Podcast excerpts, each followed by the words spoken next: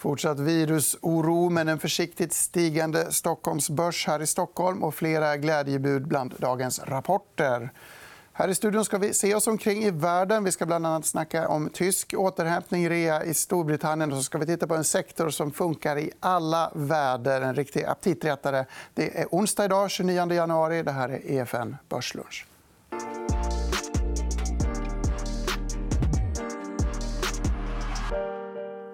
Och när vi har den här typen av Europafokus så är det roligt att ha Cecilia Ovre och Ulrika Enhörning tillbaka i studion. Varmt välkomna. Okay. Tack så mycket. Hur känns det? Vi snackar jättemycket om coronaviruset här i studion. Europa, som du förvaltar, du förvaltar numera en globalfond. Ja. Ska man bli orolig? Kort. Ja och nej. Vi pratade om det lite medan vi satt här. Att det var ju så att med tanke på hur otroligt starkt de flesta börser har gått under Q4 och liksom in i det här året så kändes det som att börsen letade en ursäkt att ta sig ner. Med all respekt för att det här viruset kan, verka, kan visa sig vara farligare än vad vi tror idag så var det ändå den ursäkten som börsen liksom behövde för att korrigera lite. Så att det, det verkar rimligt att det går ner. Vi var lite febriga redan innan viruset. Alltså. ja, det brukar alltid komma lite från sidan. Sådär. Någonting som ingen förväntar sig att det är det som ska vara triggern. Och ja, det var ingen, ingen 2020-prognos hade ett virus med i, i böckerna. Inte mycket. Vi ska, innan vi går vidare ska vi titta på dagens rapporter. här. Det här är ju företrädesvis svenska bolag. Det är värt att nämna att Billerud-Korsnäs som har varit pressade länge stiger kraftigt på sin eh, extrautdelning. Cloetta är kul idag, för vi ska prata om mat lite längre fram i, i, i programmet. Också ett pressat bolag med stark återhämtning idag. SEB klättrar lite grann också. Cecilia, globalförvaltare har mycket att göra nu. USAs rapportsäsong är i full gas. Det blir Ja, idag och imorgon så börjar det rassla igång riktigt ordentligt. Vi hade ju Apple här igår natt som blev väldigt lyckad. Men om man ska ha någon lite sån första spaning, vi har inte kommit jättelångt in, utan det är amerikanerna som är tidiga och skandinaverna rullar igång också. Så känns det väl tyvärr lite så att rapporterna blir bra, helt okej, okay, i line, men vi får inte upp estimaten så mycket och kurserna orkar inte riktigt upp heller. Det är väl också ett lite trötthetstecken på det där vi pratade om mm. nyss, att börsen har varit lite, lite umpumpad. Så att helt okej rapporter so far, men eh, vi får inte det där riktiga trycket upp varken i revisions eller i kurserna. Ingen vinsttillväxt? Alltså att... Jo, det är det, men kanske inte mer än vad man trodde. Och, och analytikerna får liksom inte anledning att skriva upp prognoserna. Utan det är mer in line och så blir 20 som vi trodde. I ditt universum? Då? Har vi... vi är väldigt, väldigt tidigt. De är ofta ganska sena med att rapportera helårssiffrorna. Det kan vara mars-april som de kommer, de här småbolagen i Europa. Men av det lilla vi har sett hittills så är det väldigt bolagsspecifikt om det har varit bra eller inte. Jag tycker inte att jag kan se någon trend på sektor eller inriktning. Utan det är om bolagen själva levererar bra siffror. Mm. Från det lilla till det stora. Sist ni var här hade vi ett Tyskland special. Det minns vi med värme. Tyskland. Eh, däremot har inte nationen levererat så starkt. Vi pratar ofta om att vi har hittat botten i Tyskland. Vi har ett par grafer med IFO-data. Den första här vill jag att vi fokuserar på den blåa linjen som pekar neråt på slutet. Cecilia, kanske du kan säga några ord om detta. Nej, men den är väldigt bevakad. För man vill ju att det ska vända i Tyskland. Och, och sen hade den börjat peka upp ser vi där, en, en, lite i slutet på andra halvan 2019. Och så fanns ju förhoppning att den här skulle fortsätta rakt upp. Men de här, pinnarna, de här graferna fortsätter ju sällan precis rakt upp.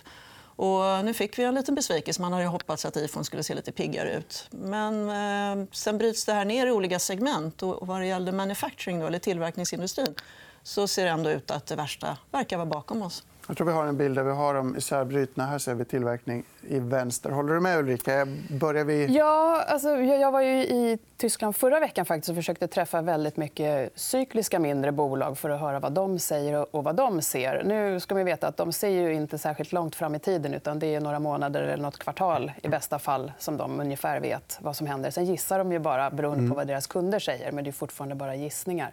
Men eh, jag tycker ändå att de är inte jätte, jättepositiva på topline-tillväxten. Men många har jobbat hårt med marginalsidan. Så att, eh, att det bottnar marginalerna 2019 är det flera bolag ändå som säger. Så att, ingen jättetillväxt 2020, bottom line, men ändå okej-ish. Och sen är de lite beroende av att kineserna ska vilja ja. hoppa igång igen. Och... Absolut. Men om man, ändå, om man ändå tror att vi bottnar som vi, som vi hoppas... Mm Värderingarna är jättelåga. Min primitiva bild är att man nästan kan blunda och kasta pil på tyska börsen. Och det kommer att ordna sig. Du håller inte med om det? det håller jag inte med om. faktiskt. För att vissa bolag har det jättetufft. Om, om du är, någon säljer till stålindustrin till exempel, eller bulkvaror att du inte har någon särskilt edge i det du säljer, då är det jätte, jättetufft fortfarande. Eller likadant om du säljer till bilindustrin men att du är exponerad mot eh, förbränningsmotorer, diesel och bensin. Det kan vi förstå att det inte är jätte, jättehett. Det är ju supertufft. Men i övrigt, mot byggindustrin, in, infrastruktur eh, mer bred industri, om där du är lite specialiserad och där du har höga marknadsandelar globalt, där är det ändå rätt okej okay fortfarande. Mm. Jag hörde nåt bolag som just arbetar mot eh, bilindustri i Tyskland som illustrerade 2019 som annus horribilus. Det hade tydligen inte varit värre någon gång alla biltillverkarna hade dragit ner liksom investeringarna till noll. Så det är väl svårt att tro att det ska bli så avsevärt mycket sämre. I alla fall. Ja, det håller jag nog med om. Vi har ett par förslag på bolag. Vi har en kursgraf här. Ett bolag som heter Dyr och Hella Lightning. Jag tror vi har pratat om nåt av dem förut. Jag är inte helt... Det har vi nog säker. Och så hade jag en ordvits att vi har gått från dyr till moll här i, i, på slutet. Men, men, du är ändå hoppfull. Berätta om bolaget vad de gör. Vi ser eh, målararmarna här. Ja, det är Dyr det här som bland annat gör eh, jättestora anläggningar för att, för att måla karossen på, och även sätta ihop de sista delarna på produktionslinjerna. Så gör stora robotlinjer. Och då spelar det ehm. ingen roll vad man har för typ av motor i bilen? Så att Nej, säga. det är ju det. Även om du ska producera en elbil så behöver du måla den. Och sätta ihop den. Och den behöver också lysen. Det andra caset är Hella. Det är Hella som gör lysen och har en väldigt stor eh, global marknadsandel där. Och de växer hela tiden lite mer än vad, än vad marknaden gör. Så de tar marknadsandelar. Så det är det som har varit deras styrka hela tiden. Så att man ska ha kvalitetsbolagen även om det är tuffa sektorer. Mm. Och vi har lite pratat om det förut också. Det är en fruktansvärd omställning som hela tysk bilindustri går igenom just nu. Och det är... Man får respekt för att utmaningar tar längre tid än vad man Det gör det absolut. Vi har en bild som jag tror knyter an till det temat. Den här kartan kan ni nästan förklara. Den kommer från Hella. Det är antal bilar som är producerade mm, globalt sett. Årsminskningen i mm. antal bilar. Så att man ser ju där Asia Pacific att det är väldigt viktigt hur det går. För 47 miljoner bilar görs där om man jämför antalen i Tyskland, Europa USA. Så att, att det är minus 6 där, det är ju det som egentligen är det tuffaste för dem. Eh, så att om vi bara kan få lite, lite bättre siffror där bortifrån eller från Kina så, så skulle livet bli väldigt mycket enklare för dem.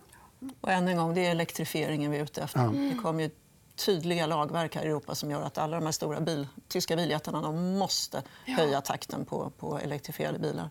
Så kan man hitta in till de ämnena, mm. så är de områdena så är det bra. Mm. Vi ska lämna den här industrin. Vi vill notera bara att du tipsade om Stabilus eh, tidigare när du var här. eller hur? Ja, det är lite på samma, samma case också. Så att, eh, den kan man också köpa. Du ska vara ännu mer beröm. Vi har nämligen tagit en lista från våra vänner Placera. Karl eh, Lantz heter killen som satte upp det här. Det är alltså Eurostox-aktierna som gick bäst under 2010-talet. Och I topp ligger CD Projekt, som du också har tipsat om tidigare. Cyberpunk dataspels utvecklaren. Ja, det är ett polskt bolag eh, där vi har varit aktieägare i väldigt många år. faktiskt. Ehm, och det är väldigt intressant. Det är i år som allting ska hända. Det är i år som det här Cyberpunk ska lanseras. Ehm, men det de också har lyckats med är att de har gått i bräschen för att kunna förlänga intäktsströmmarna även från äldre spel. Där man har The Witcher. Den första The Witcher lanserades 2007. Sen kom tvåan 2011. Trean kom 2015. tror jag det var. Och nu finns det på Netflix också. Och nu till och med på Netflix. Och det gör att folk som ser den serien tycker det här verkar lite intressant. Och så då har de går man och så köper man den här, det här gamla spelet eller till och med ettan och tvåan mm. igen. Så att du kan förlänga intäktsströmmarna. Och då är det nästan 100% marginal på den typen av försäljning. För att det är ingen kostnad för att sälja dem digitalt några gånger till. Gamingbranschen lever lite nästan i en egen bubbla. Det är bara att sprutta på ohindrat. Nej, jag vet inte om det är en bubbla, men inom entertainment så är det ett segment som växer väldigt, väldigt mycket. Alla är mm. inte vinnare och, och så vidare, men det är, content är bra och det är en fantastisk tillväxt. Och eh, överhuvudtaget det faktum att man börjar spela mer och mer på mobil ger en extra boost till alla de här som har innehåll. Förut var man lite konsolberoende. Och vilken konsol och skulle folk köpa den nya konsolen eller inte? Och var de för dyra? Och så där. Men nu är det ska säga, en väldigt stor del av, av befolkningen som kan spela spel på mobiler. Och då mm. behöver man inga konsoler och då är det liksom ännu bättre för de här jättarna som har på spel. Så att content is king var väl någonting vi har säkert pratat om här förr. Det, det ja, och särskilt också när det kommer nya plattformar eh, med Google Stadia. Till exempel att man vill göra liknande Netflix fast inom eh, inom spelindustrin, då måste de köpa in en massa innehåll. Och då, då är det jättebra att vara den som äger IP på, på spelet. Mm. Få betalt för det. Och 5G kommer att underlätta också. Det är lättare att spela bra, snabba spel när, när det kommer lite 5G.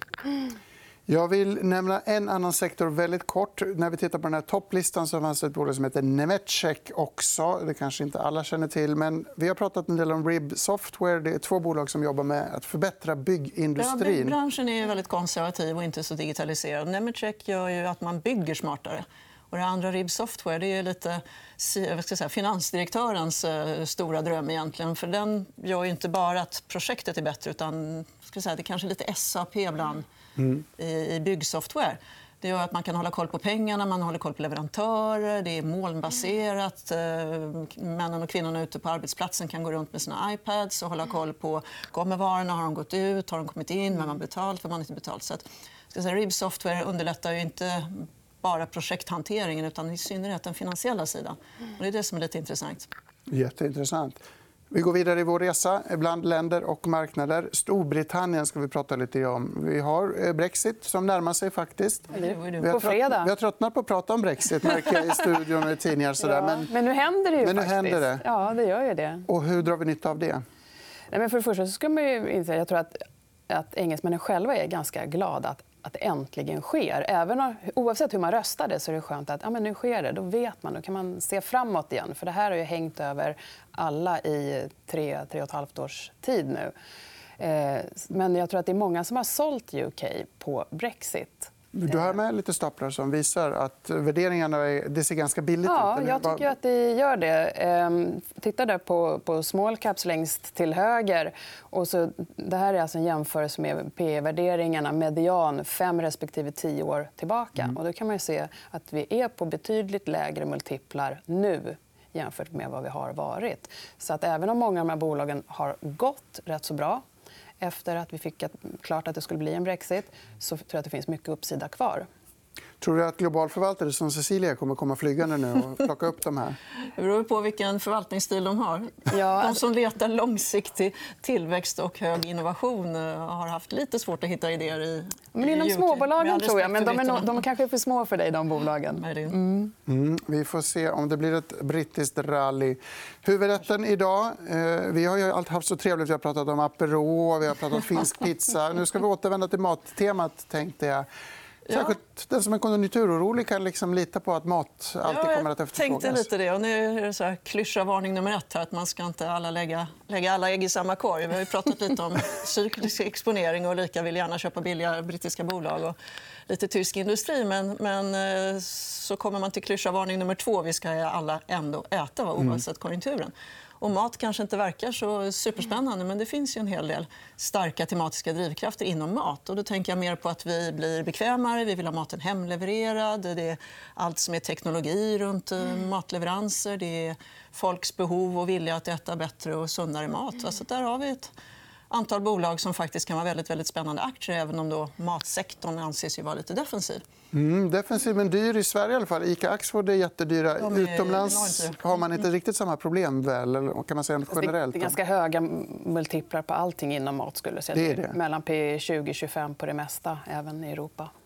Vi ska försöka hitta någonting som ändå eh, lockar. Vi har en bild bakom oss som kommer från ett bolag som heter Ocado. Eller hur? Ja, det här är lite tillväxtcase. Det, är inte, det här är lite high risk, high reward. Det är inget superdefensivt. Utan, eh, caset med det här är att det är en UK-retailer. Men de har också det man såg på bilden här, ett fantastiskt logistiksystem. En enormt eh, ska säga, framstående teknik på hur man packar mat och skickar iväg det.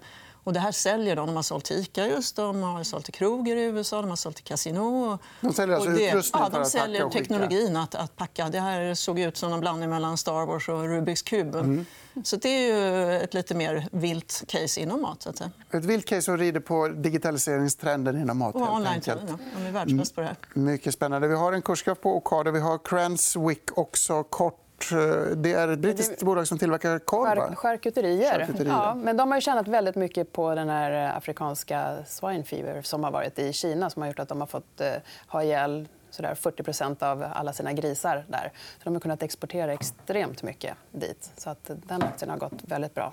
Och vi har också med oss Backafrost i den här kursgrafen. En av många norska laxaktier för den som vill ha lite hälsosammare mat. Undrar om vi ska ta lunch nu när vi har gått in på den här. Men eh, Ironiskt att vi hamnar i brittiska bolag ändå, fast du inte är så skeptisk till Storbritannien. Ja, tack så mycket för idag. Tack alla ni som tittat. Imorgon är det, det näst sista Börslunch. Då kommer Lasse Söderfjell och Georg Norberg 11.45 som vanligt. Häng med oss då. Och tack för idag. Tack snälla. Tack.